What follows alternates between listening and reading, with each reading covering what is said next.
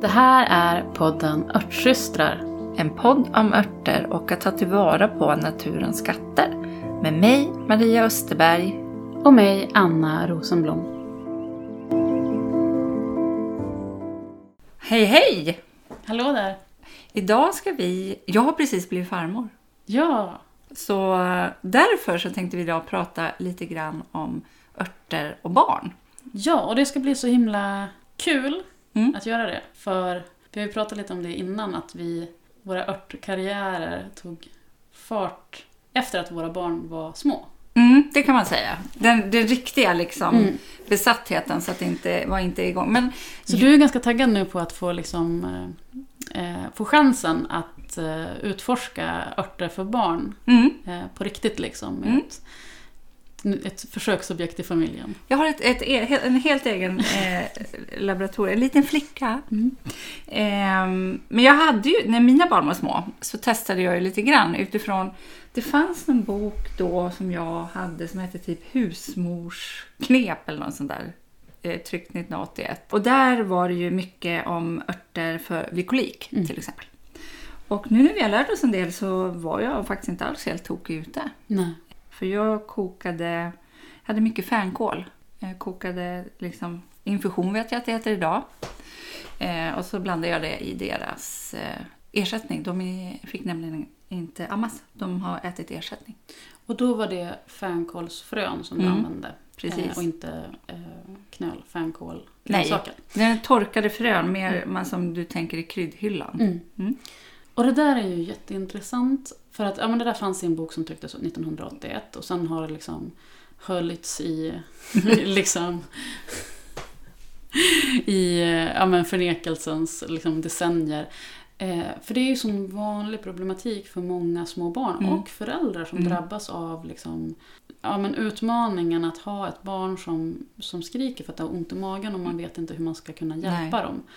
Och så finns det droppar för det ena och det andra på apoteket men de funkar sällan super, super bra. Nej, de funkar i alla fall inte för oss. Nej. För mig, det här det var ju ingenting som liksom trollade bort hela problematiken, det kan jag inte säga. Men det hjälpte i alla fall till lite, lite grann. Och det är förmodligen de gasdrivande Mm. effekterna som, som finns i de där fröna som Mm. hjälper till att lätta på trycket så att säga Ja. när de blir uppblåsta. Ja, och där har anis och dill lite grann samma effekt. Mm. Frön ska Mm. det vara. Anisfrön, fänkålsfrön, dillfrön. Mm. Mm. Eh, och sen så fick de också kamomillte. Just, det är också en annan Ja, eh, klassiker för, eh, småbarn. ja, men Eller för ma- barn. magont generellt. Ja, mm. Eh, och att det eh, erbjuds ju ofta på liksom, restauranger och särskilt i Medelhavsområdet. Och där, för att man vet att det hjälper till att, med matsmältningen. Ja, att liksom... Det är ju en kramplösande Mm. ört, främst. Så vad ska vi säga då om örter för barn? Nu vet jag ju inte så mycket än, men eftersom jag inte testat, den är ju bara några dagar gammal. Ja, men apropå kamomill, en, en rolig liksom, eh, sätt att bereda. Det är ju så att liksom, när man jobbar med örter och barn så får man ju liksom tänka eh, kanske lite annorlunda, lite utanför boxen i just berednings... hur man bereder och administrerar den. Mm. Eh, men i, eh, i boken eh, Herbs for Children's Health av Rosemary Gladstar, och jag tror hon också nämnde det i kursen som vi gick med Mm. henne, där det finns en hel modul om örter för barn.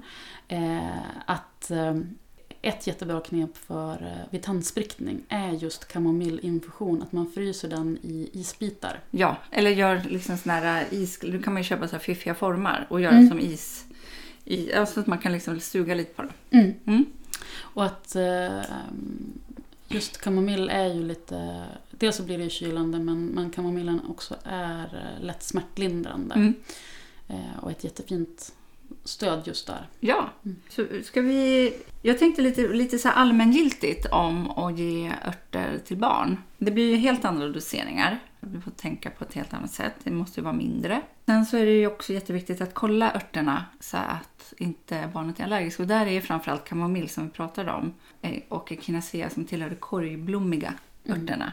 Så tipset är ju innan man liksom sätter igång och börjar ge ett barn att man gör ett te och droppar lite i armvecket och så väntar man ett dygn och ser om det är rött Mm. där. Men, men sen så...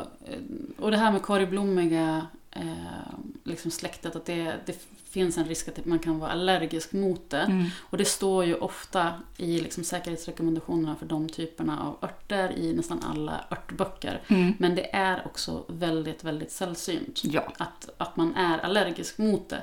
Eh, men som, som du säger så är det ju jätteviktigt att, att testa på det, och särskilt om man ska göra det på ett litet barn. Mm. Men jag vill också nämna det att det är ovanligt så att det inte blir så att man liksom bara Åh nej, det kan vara farligt och så Nej, nej, nej. provar man inte örter eh, alls för att eh, fördelarna överväger ju nästan nackdelarna. Och här i, i, i Sverige så pratar vi sällan om örter till barn för att det har liksom blivit lite grann, ja men med hela den här hårda gränsdragningen mellan sjukvård och alternativa, Mm. det som, som anses vara alternativt eh, som örter, som i grund, egentligen är grunden till all medicin, Mm. även sjukvård.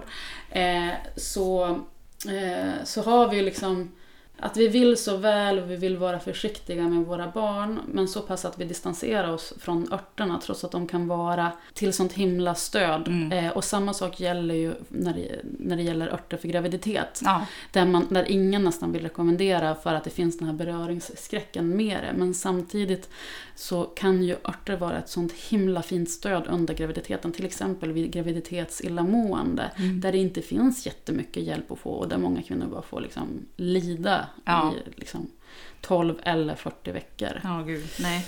Nej, men jag tänker väl också lite grann att eh, vi, så, vi gladligen liksom stoppar i våra barn kemikalier Mm. i mediciner men kanske inte tänker på naturen som liksom bara med sin energi kan liksom vara, verka helande på en sån liten kropp som ännu inte har blivit utsatt för så mycket. Mm. Att man kanske ska, jag tänker, eh, vi pratade lite tandsprickning. Kattmynta är ju någonting som skulle funka jättebra där. Mm. Och många av de örter som är bra för barn det är så näringsrika örter. De innehåller liksom näringstäta. De är inte speciellt potenta i den bemärkelsen att de är starka liksom, eller irriterande utan så mjuka fina örter. Och det som är- bra med sådana eh, stärkande toniska örter, eh, som ofta är näringsrika också, är att även när vi ska använda dem som vuxna så kan vi ta i med doseringarna Mm. ganska mycket så att de är inte så doseringskänsliga. Så att det liksom inte... Det är svårt att få till en, en skadlig dos. Mm. Eh, vilket, vilket är skönt och, och bra att veta när man ska dosera ner det för, för ett barn. Ja, Men eh, ska vi ge några fler exempel på eh, näringsrika örter som också är jättefina att använda för barn? Mm. Då är till exempel rödklöver en fin. Den ska man tänka på att man inte använder till någon som har en blödningsbenägenhet. Okej. Men eh, rödklöver, hallonblad, nässla såklart. Och sen så har vi det som vi inte använder så mycket i Sverige men som är väldigt vanligt i USA. Det är det som heter Milky Oats, alltså den havre, hel havre som inte är mogen utan grön. Omogna havreskott. Kan man säga ja. Men det är jättesvårt att hitta ett bra kortord. Eh, jag växlar mellan att kalla den mjölkig havre och grön havre. Grön havre säger nog jag. Mm. Men det är ju en jättebra. Som också är liksom lite lugnande för systemet. Lite liksom avslappnande kanske. Mm. Mm. Och väldigt, eh, det är en, en nervsystemsört men också väldigt, väldigt näringsrik. Och bra för en, en kropp som ständigt växer, tänker jag. Precis. Eh, Och allt vad det innebär. Jag skulle vilja återvända till eh, rödklöver. Mm. För den är ju, det som är särskilt bra med den och barn, det är att den, den är mest känd, om man kan någonting om rödklöver så är det ofta liksom kanske klimakteriet och dess liksom användning som, Mm. som kvinnoört eller som ört för kvinnobesvär. Men den är också, den innehåller mycket slämämnen och den är bra för luftvägarna. Ja. Och för barn så är den eh, särskilt bra för att hjälpa luftvägarna att återhämta sig efter svåra luftvägsinfektioner. Mm. Och, och så kan det ofta bli för barn som är i liksom dagisåldern och som åker på eh, förkylning efter förkylning och så till slut så är det som att systemet är så himla uppretat att det liksom minsta lilla bacill så liksom blir en Ja. vända till. Och där kan rödklöver vara ett jättefint stöd och den är ju också, i och med att den innehåller mycket slemämnen så är den ju lite söt så det är Mm. också en ganska god ört. ja, det är det ju. Mm. För en del av de här är ju kanske inte i en barns mun jättegoda. Nej, precis. Men många av dem är det. Ja. Hallonblad kan ju vara lite. Ja, det är lite så sammandragande. Ja. Mm. När, man, när man gör blandningar till barn så tänker jag också att eh, man kanske inte bara tar en ört, och särskilt om man har en ört, om man ska använda en ört som man vet att men den här är lite men som hallonbladen sammandragande. Då kan man ju strössla på med andra örter som är lite, lite godare. Mm. Som till exempel ja, men rödklövern som vi nämnde, men även eh, Ros. ros och hagtorn Mm. är ju söta, goda örter. Hagtorn är ju en, en ört som, som vi kommer att prata om i ett separat avsnitt ganska Ja. så snart. Det är en ört som, jag tror, som används väldigt mycket i USA, som Mm. kanske används lite mindre här. Eh, som anses vara en ört för, för hjärtat och en väldigt bra ört för gamla människor. Mm. Eh, och ur ett mer liksom emotionellt perspektiv så är det en ört som anses vara bra för att liksom stötta även det emotionella Ja. i hjärtat och bra vid liksom sorg och ja, men kanske trauman. Och lyckligtvis så utsätts ju inte alla barn för, för sorg och trauman. Men att vara, att vara ett barn och växa upp är ju många gånger en, en, en tuff process i Mm. de här utvecklingsfaserna som Ja. de går igenom. Och det är ju liksom de, de är ju ganska ofta, det är liksom, man, för de det är ungefär alla de här trotsåldrarna, för Ja. det är då de liksom, ja men de tar, de, Nästa de sticker steg. iväg liksom i sin utveckling. Och det där är ju, är ju någonting som påverkar dem även inuti. Mm. Och där tänker jag att, att hagtorn är en fin ört att jobba med för Mm. att Ja, men för att eh, stötta upp lite grann. mm, Mm. och lugna och liksom eh, mildra liksom, de känslomässiga törning, törnarna som det innebär att, att vara en människa och, och ständigt förändras och växa. Ja, absolut. Men sen så tänker jag också på, ur det perspektivet, så tycker jag också att citronmeliss är en Mm. väldigt fin ört för barn. Innan när vi pratades vid inför det här avsnittet så nämnde du också nattskräcken. Ja, Och citronmeliss är ju en jättefin eh, ört för sömn. Så där tänker jag citronmeliss. Och de, citronmelissen ger ju också, enligt min personliga erfarenhet, väldigt fina drömmar. Alltså Mm. drömsömn. ja, men det pratade vi om för länge, länge, länge sedan. Mm. Att det är säkert därför den heter Hjärtans fröjd också på svenska. För att den verkligen skapar harmoni. Ja, Ja, precis. Så, så de två är ju liksom ja, men en jättefin kombo för ett barn som behöver ja, men lite, lite extra trygghet och kramar i örtform. ja en örtkram. Mm. Mm. Vi har ju också med fläder och då är väl den mest använd som en eh, febernedsättande. Mm. Men där gäller det ju att eh, hålla koll. Eh, feber som är över 39 grader, då ska man inte hålla på med örter tycker jag. Utan då, Då är det paracetamol som gäller för Ja, att häva. ja, det Och är särskilt när det gäller, gäller barn, för där kan ju febern eh, det. Sticka iväg. sticka iväg. Ja. Så jag vill betona att örter för barn är som ett fint komplement för enklare blessyrer. Men sjukvården då trots allt när det är allvarliga saker. Men i det sammanhanget så tycker jag det är viktigt att poängtera att eh, för det finns ju, vi vill ju våra barn så väl och vi vill inte att de ska lida. Och många småbarnsföräldrar har ju en tendens att stoppa i barnen Alvedon så fort de har minsta lilla feberkänning. Ja, det tycker jag inte. Nej, precis. För att grejen är ju att febern, febern är inte en, en eh, sjukdom i sig. Ett, eh, utan det är ju liksom en, en respons från kroppen, från immunförsvaret och ett sätt att liksom försöka häva den här attacken på kroppen Ja. genom att höja temperaturen för att göra det svårare för eh, viruset eller den infektionen som har tagit sig in i kroppen att liksom förvärras och föröka sig. Och om vi då eh, går in med Alvedon när barnen har 30 37,7 eh, grader, då, då slår vi undan benen för den här försvarsmekanismen och så ger vi fri lejd för Ja. förkylningsviruset Mm. att liksom föröka sig och förvärras. Eh, så därför så är det... ehm, Feber i sig är inte farligt Nej. när den, är, när den håller sig. Men det är just när den börjar ticka över 39. Då tycker jag ja, det, eh, det finns... Eh, eh, då skulle jag själv personligen inte bara använda mig utav örter. Nej, ett precis. litet barn Men idag. det, det, det som jag vill eh, försöka förmedla här är att en bra strategi kan vara i det här första skedet, när fe, i den begynnande febern, Mm. att stötta feberns funktion med örter genom eh, att använda sig av fläder som du nämner som eh, hj- hjälper. Och, många blir förvirrade av att eh, fläder till exempel, om man läser om den i en örtbok så Att den har den både ökar. feberhöjande och febersänkande Mm. verkning i liksom, raddan med alla verkningar. Men det är för att den, den hjälper kroppen att få upp temperaturen Mm. och när den får upp temperaturen då börjar vi svettas och då Ja. sänks temperaturen igen. Så därför så, så är örter ett, ett jättebra sätt att försöka häva en, en infektion i ett tidigt skede. Mm. Men sen när den rasar, om man inte lyckas häva den och den börjar rasa fritt och febern stiger eh, över 39, då är det dags att använda sig av Alvedon och, Ja. och sänka den och, Mm. och så naturligtvis ta kontakt med, med sjukvården. Ja.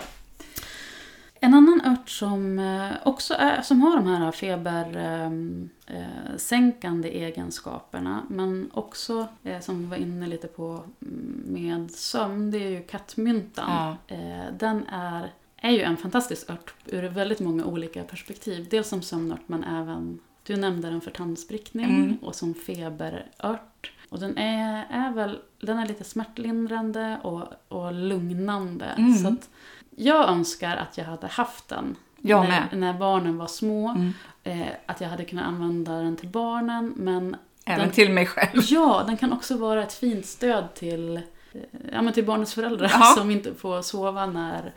när eh, Tänderna kommer. ja. Mm. Och även liksom mycket annat. Många föräldrar blir, och särskilt mammor, vi sover ju mycket lättare när Ja. vi får barn. Så sömnen, sömnen tar, tar stryk för att vi är liksom på high alert hela tiden. Ja. Och där är, kan kattmynta vara ett jättefint eh, fint stöd. Skrev inte Rosemary det någonstans att om alla liksom, mammor i världen hade haft kattmynta, Ja. vilken lycklig generation, både för mamman och för barnen. Ja, och det lustiga med det är ju att kattmynta är ju så oerhört lättodlat. Ja, Eh, våran örtsyster Hanna, hon har tvärtom För- problem. hon förbannar ju den dag som hon bjöd in kattmynta i sin trädgård för att den växer och frodas och sprider sig Mm. överallt. Sen så, om man ska odla kattmynta så kan det ju vara bra att eh, ha den i en kruka om man inte vill att den ska spridas överallt. Och sen, men den fröar ju av sig också så att man får ju ha den i en kruka i en del, en, undan, en liksom vindsky, vindskyddad del av trädgården där den inte kan sprida sig. Nej men katter gillar ju den också. Ja. Så att man kan det kan ju vara bra att ha ett katthörn och så sen ett, eh, Ett skördehörn. ett skördehörn. Tyvärr så trivs inte kattmyntan toppen i uppländsk lerjord. Nej, jag vet. Ju... Så att jag tror att jag får helt enkelt sätta den i kruka. Alltså så den får en... en, en riktigt bra jord i kruka. Ja. Mm. Men du måste ju styra upp det här nu den här säsongen. Ja. Så att farmor är redo när... Ja, ja, ja. Jag har ju spricker. fått en jättefina plantor av Hanna Mm. som har bott i växthuset hela vintern och förädlat sig. Så de ska få bo i någon VIP-del. För att jag vet inte vad det är med lerjorden. Eh, nej, Nej. jag gillar inte det. Nej, men det stämmer nog. För den, jag har en planta som eh, överlever mot alla odds varje år. För att det här är min kattplanta. Eh, och jag har så här helt hysteriska bilder på tidig vår, så fort de börjar liksom skjuta minsta lilla, då är katterna där och liksom eh, gnussar mot den, gnager på den, ligger och liksom krälar i den. Men, men det är som att den där första beskärningen liksom stimulerar mer tillväxt. För den kommer ändå och så blir det liksom en, en stor, en stor eh, planta av den. Men den, den står i en, och där kan, nog, kan det nog finnas nycklar till varför den inte funkar Mm. hos, i Halland, eh, Halland upp, den uppländska leran. Eh, den står i en väldränerad rabatt. Ja, Så att det blir liksom ingen, att, inte att liksom fuktbestående och liksom fryser till. Så att det är liksom lätt och luftigt. Och sen så är jorden som är där är väldigt mullrik för det är en Mm. gammal varmbänk.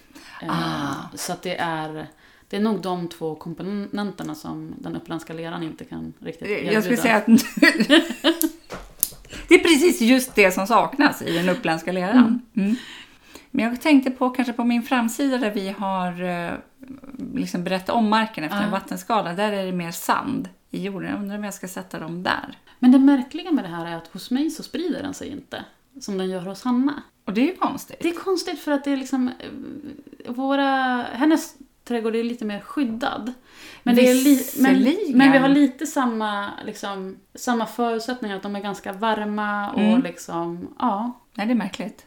Ja, Men det, han har ju också nyligen fått barnbarn så det kanske var därför den flyttade in. det kan det ju vara. Eh. Att eh, hon behövde den. Mm. Ja. För så, så är det ju lite med örter ibland. Men en ört som jag faktiskt använd, har använt mycket under småbarnsåren och som faktiskt var den ört som flyttade in i min trädgård och som också fick mig att få upp ögonen för örter, det är ju isop. Så den måste vi nämna i det här sammanhanget. För den är ju en fantastisk hostört. Ja. Och, och särskilt för den här rethostan som barn kan få efter de här eh, infektionerna som de har haft liksom tre vänder av.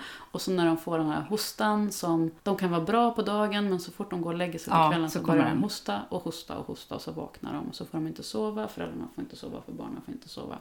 Jag lärde mig det om isop ganska snart och tim, den har ju en ganska liknande Mm. verkning som, som timjan. Timjan kan man också använda. Men jag upplever att isop är godare än timjan. Ja. Så jag brukar ju bara brygga en, eller barnen gör det själv till och med, en, en termos med ljummen isopinfusion som de har vid sidan av sängen. Ja, så Och så fort de vaknar så tar de en klunk och sen så somnar de om. Det är helt magiskt. Wow. Så den, det är verkligen en, en ört för en, en, en småbarnsfamilj. Veckans tips. Ja, veckans tips tycker jag är att eh, har man små barn, bebisar och är lite nyfiken på vad man skulle kunna göra och ge dem så finns en fantastisk liten bok som Rosemary Gladstar har skrivit som heter Herbs for Children's Health. Och den kostar inte mycket. Nej, alltså det är runt 100 lappen. Den finns på ja, nätbokshopparna. Och det som är så fint med den, den är på engelska, men den är väldigt liksom... Eh, jag vill inte säga kompakt, den, den är kort, men den, den, har liksom, den är lätt att läsa och hennes engelska är lätt, Mm. lättillgänglig. Och det som är så bra med den är att hon beskriver eh, de, De här van- arterna som vi har ja. pratat om, men också en, en del andra. Så då får man som en, en meny av örter som Ja, och sen så skriver hon lite grann så handfasta råd till de vanligaste eh, åkommorna som tandsprickning, kolik, diarré, utslag, vad heter det, blöjeksem. Alltså lite grann av det som... Så att eh, vi borde egentligen få något samarbetsavtal för det här. Men den är verkligen jätte, jätte, jättebra. Ja, och sen dessutom så finns det ett kapitel med doseringstabeller Tabeller. tabeller där hon eh, går igenom några olika formler som man kan använda om man vill, eh, för att veta hur mycket man ska dosera till Mm. barn. Så den är liksom, jag menar, en, vad kostar en, en flaska Alvedon på... Jag har ingen aning, men jag skulle Eh. tänka mig 100 spänn i alla fall. Ja, eh, Det kostar nog den där boken. Ja, så det är en jättefin resurs att ha. Och det som också är roligt i den här boken är att hon har lite förslag på lite liksom annorlunda sätt att bereda örter för att få i barnare. Ja, lite tips Ja, nej men jättefin bok. Vi länkar till den i avsnittsbeskrivningen. beskrivningen. Mm. Precis. Det var allt för idag. Det var allt för idag. Hej, hej! Hej! Många frågar efter de recepten som vi nämner i podden. Därför har vi valt att samla våra favoriter och göra dem tillgängliga för er. Vi tar en liten slant för dem. Det är därför också ett sätt för dig att stödja podden. Länk till recepthäftet hittar du i avsnittsbeskrivningen. Du kan också stötta oss genom att följa podden i din poddapp eller gå till poddens programsida och skriva en recension. Tack för att du lyssnar!